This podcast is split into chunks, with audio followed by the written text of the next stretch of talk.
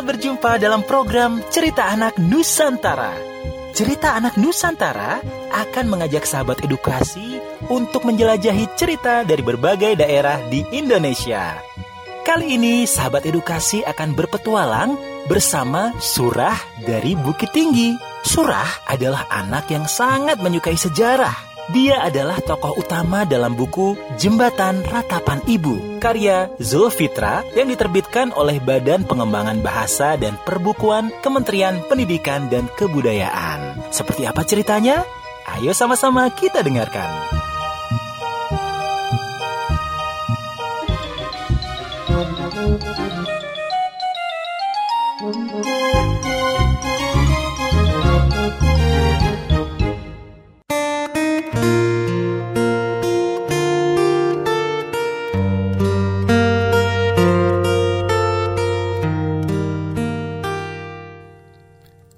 Namaku Surah.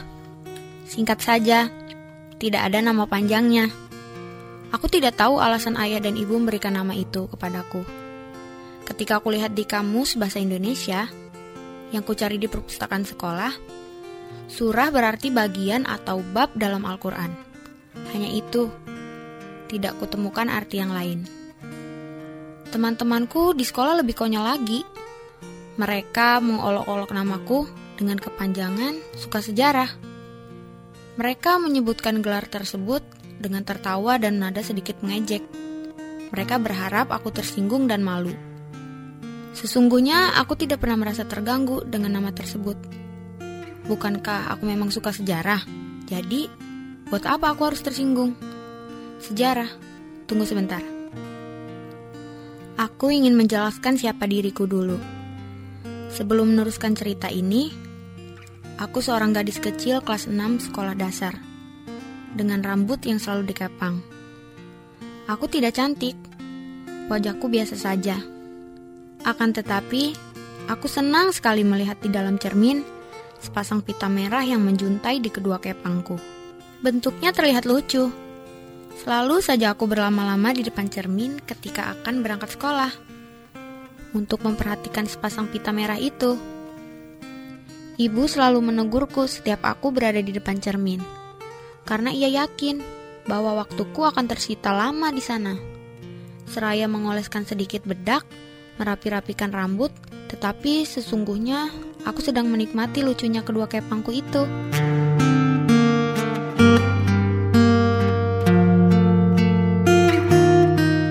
Lekaslah Surah, nanti kamu terlambat lagi.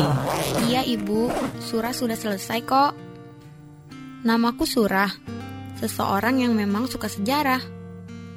Apabila tiba mata pelajaran sejarah, tiba-tiba tanpa sadar aku terpukau mendengarkan segala sesuatu yang dijelaskan oleh bapak atau ibu guru. Mataku seolah melotot tidak mau beralih dari apa yang disampaikannya. Aku ingin sekali mendengar semua yang dijelaskan guruku tentang sejarah-sejarah itu. Untuk itu pula lah aku memilih tempat duduk di depan agar leluasa mendengarkan cerita-cerita yang dituturkan oleh bapak guru sejarahku. Ya, guru sejarahku, seorang laki-laki parubaya yang sangat pandai bercerita. Setiap memulai pelajarannya, ia selalu bercerita dulu tentang bermacam-macam sejarah dan perjuangan bangsa pada zaman dahulu. Cerita-ceritanya itulah yang selalu membuatku tertegun dan hanyut seolah-olah aku sedang berada pada zaman yang diceritakannya.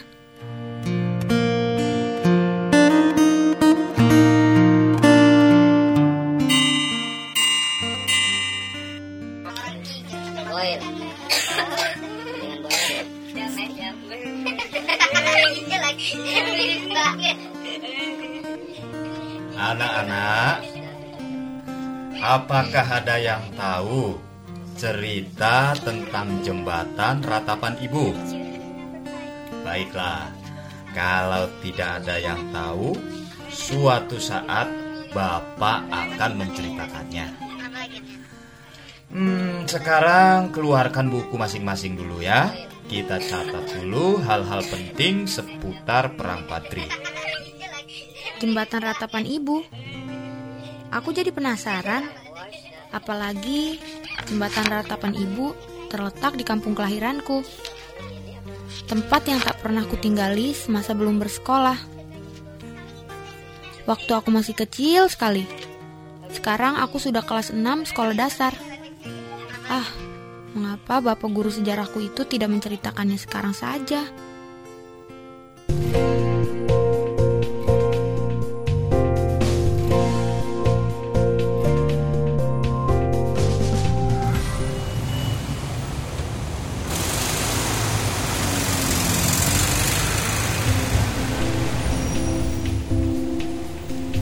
Tinggal di kota Bukit Tinggi.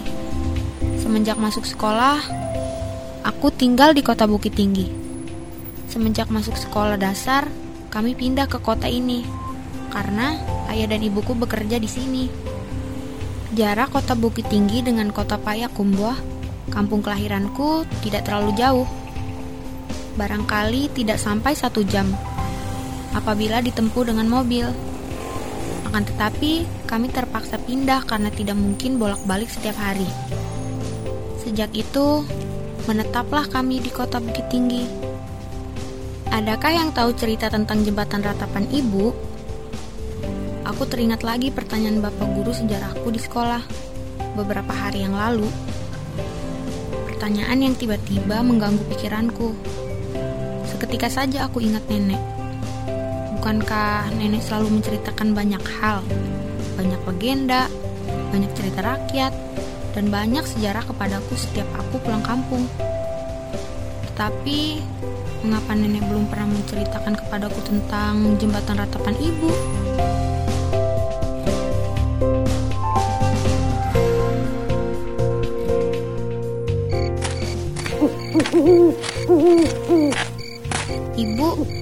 Kapan kita pulang kampung? Aku ingin bertemu dengan nenek. Pulang kampung? Bukankah baru sebulan yang lalu kita pulang kampung? Iya sih, tapi aku ingin menanyakan sesuatu kepada nenek.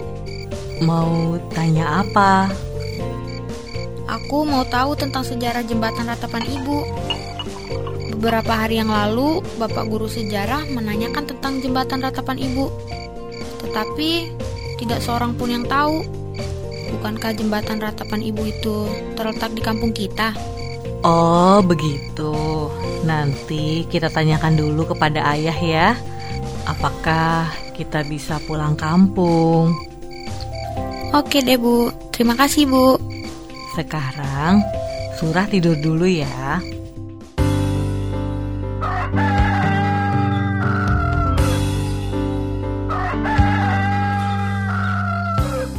Esoknya aku mendapat kabar gembira dari ibu. Ayah bilang minggu depan kami akan pulang kampung. Aduh, senangnya. Sudah terbayang aku akan menanyakan perihal jembatan ratapan ibu kepada nenek. Aku merasa bodoh karena tidak tahu sejarah yang ada di kampung kelahiranku. Aku harus lebih tahu dibandingkan teman-temanku yang bukan orang Payakumbuh. Cerita nasihat dan budi pekerti